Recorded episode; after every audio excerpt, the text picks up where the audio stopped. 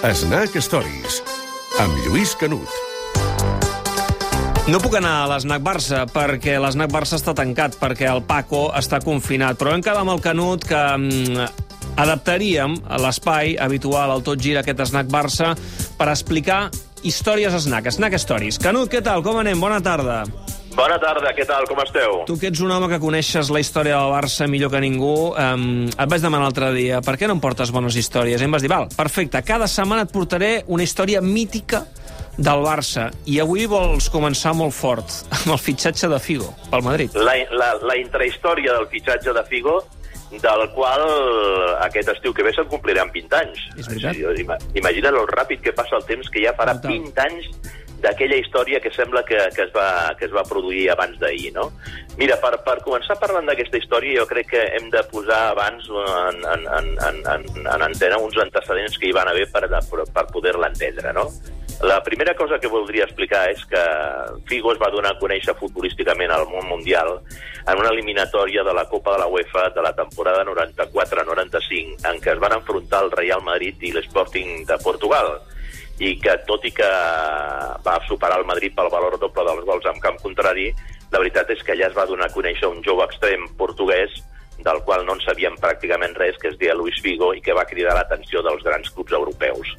Dos d'aquests clubs europeus, al cap d'uns mesos, el van fitxar, i van ser dos clubs concretament italians, el Parma i la Juventus. I aquí ens comença ja a donar una idea de la facilitat que tenia el seu representant José Veiga en firmar contractes, recordo, perquè, perquè, perquè allò, gràcies a aquella duplicitat de, de firma amb, la Parma, amb el Parma i la Juventus, que aquell any serien els finalistes de la Copa de la UEFA, doncs la Federació Italiana va suspendre Luis Figo per dues temporades per poder jugar a Itàlia i això ho va aprofitar perfectament el Barça de Johan Cruyff, el Barça de Cruyff de Núñez, a través de Josep Maria Minguella, per poder fitxar el jugador portuguès pel Futbol Club Barcelona. Mm. Molt bé, Figo arriba al Barça, es dona a conèixer com un gran extrem, es guanya el favor de l'afició barcelonista, però al cap de dos anys i mig, concretament a la primavera de l'any 97, es presenta en el despatx de Núñez i li comunica que ha firmat un contracte que ha arribat a un acord amb el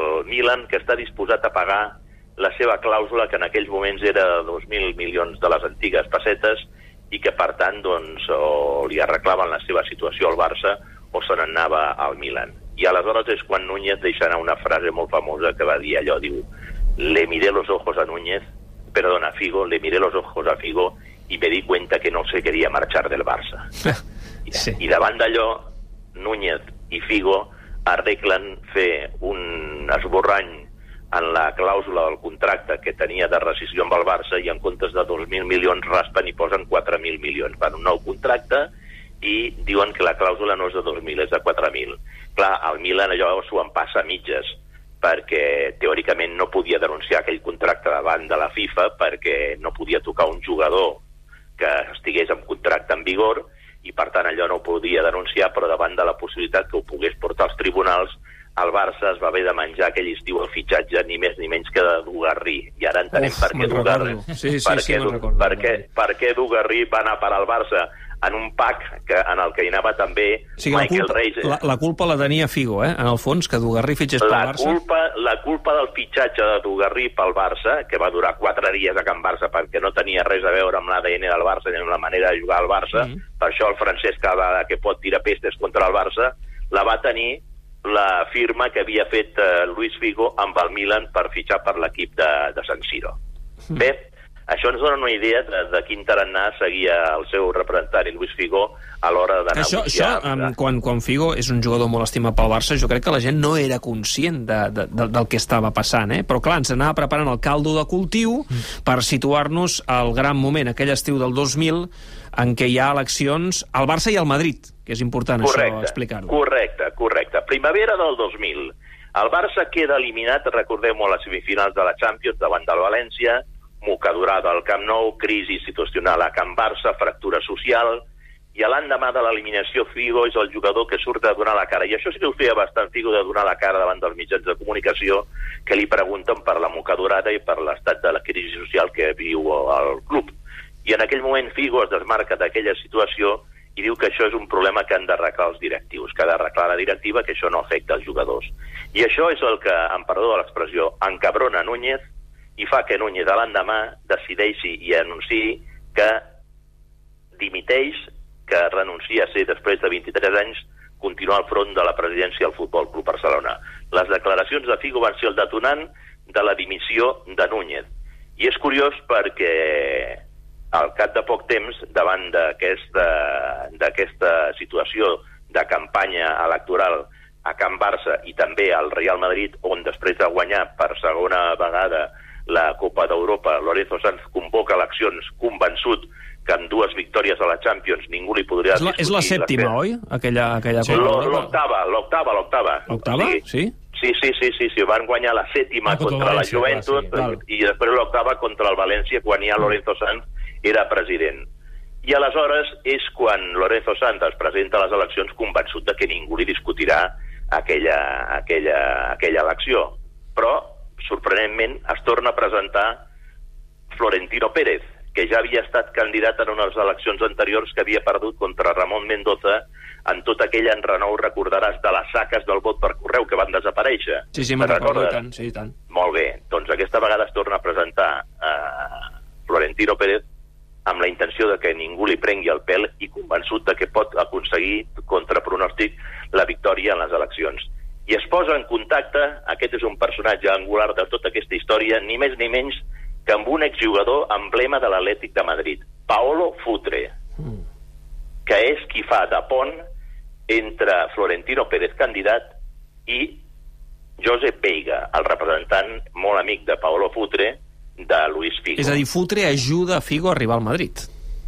Futre ajuda a Florentino a posar-se en contacte amb Veiga i d'acordar el famós precontracte, el famós contracte que lligarà de peus i de mans a Figo i a Veiga amb Florentino Pérez.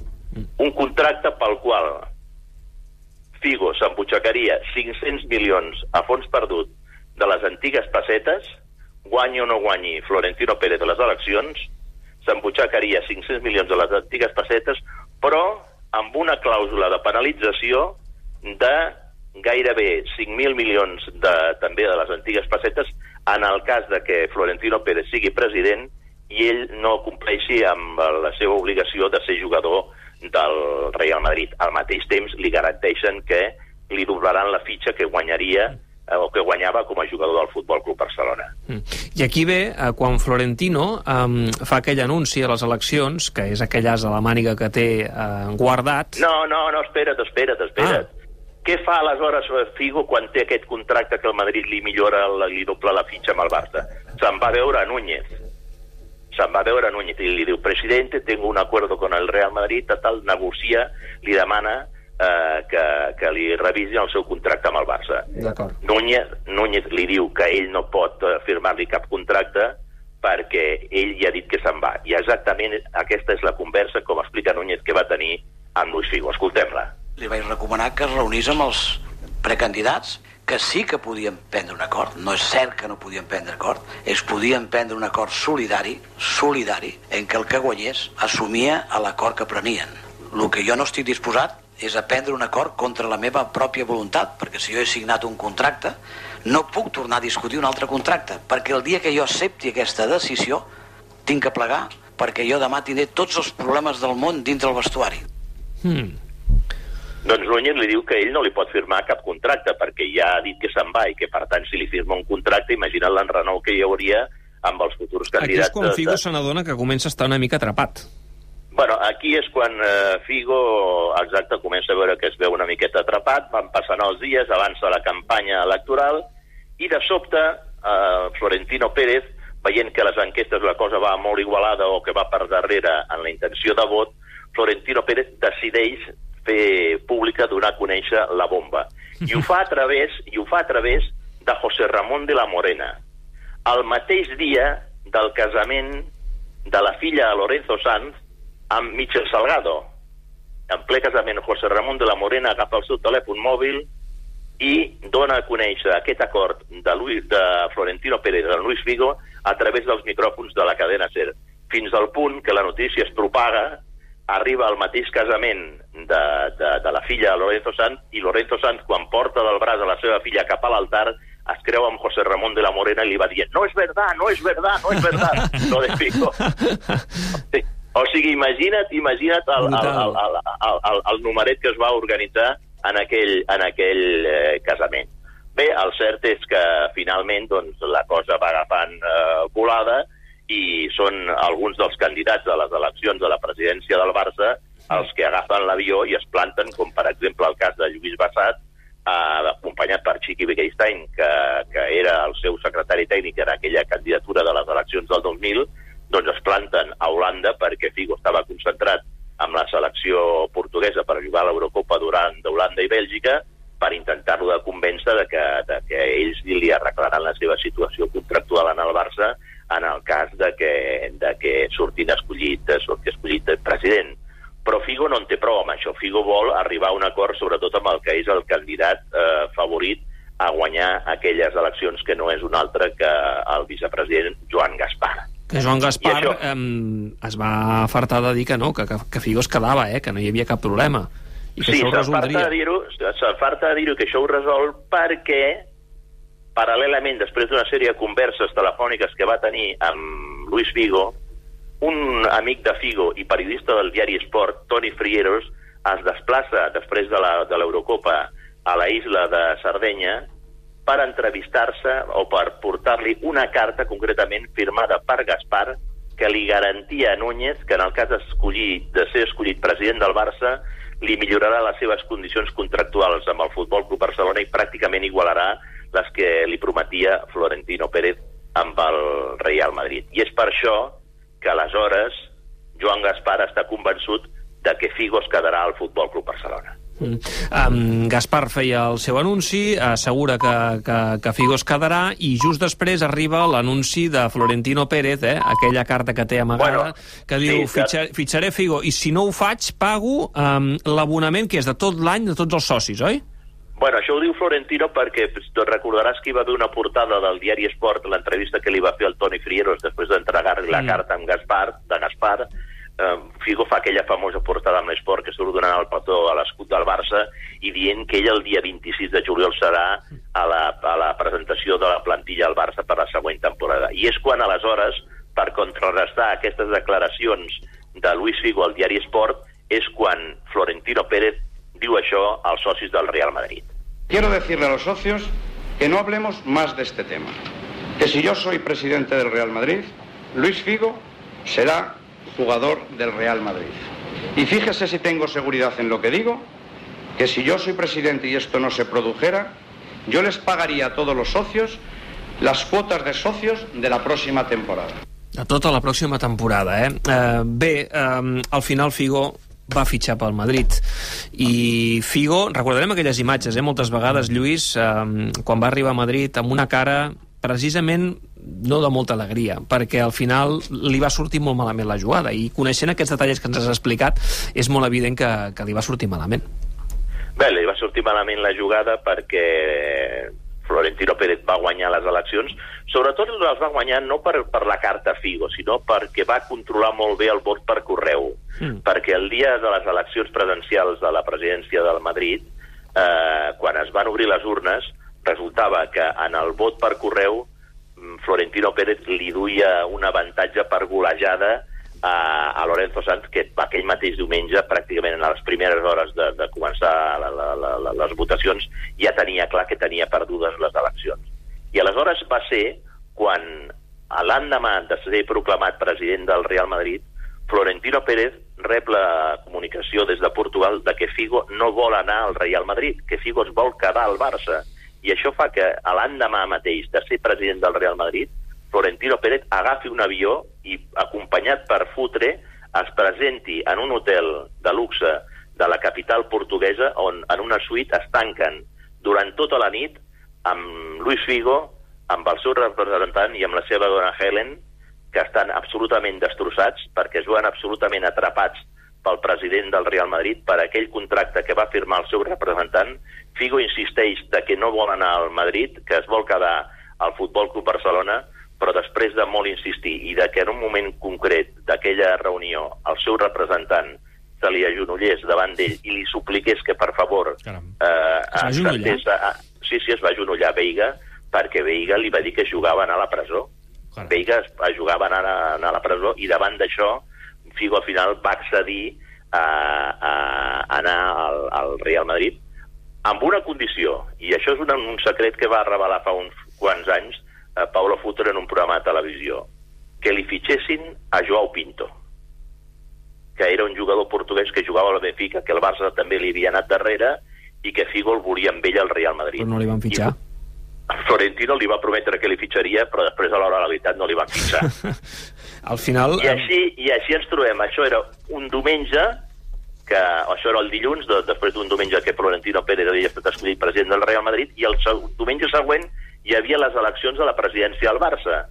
I clar, perquè eh, el fitxatge de Figo no influís en el resultat de les eleccions del Barça, Salvador Alemany, bon amic de Florentino Pérez, va aconseguir convèncer el nou ja president del Real Madrid que no anunciés el fitxatge de Figo, que no presentés a Figo fins que no es tanqués, si no, fins que no es fessin les eleccions a la presidència del Barça, que eren aquell diumenge següent.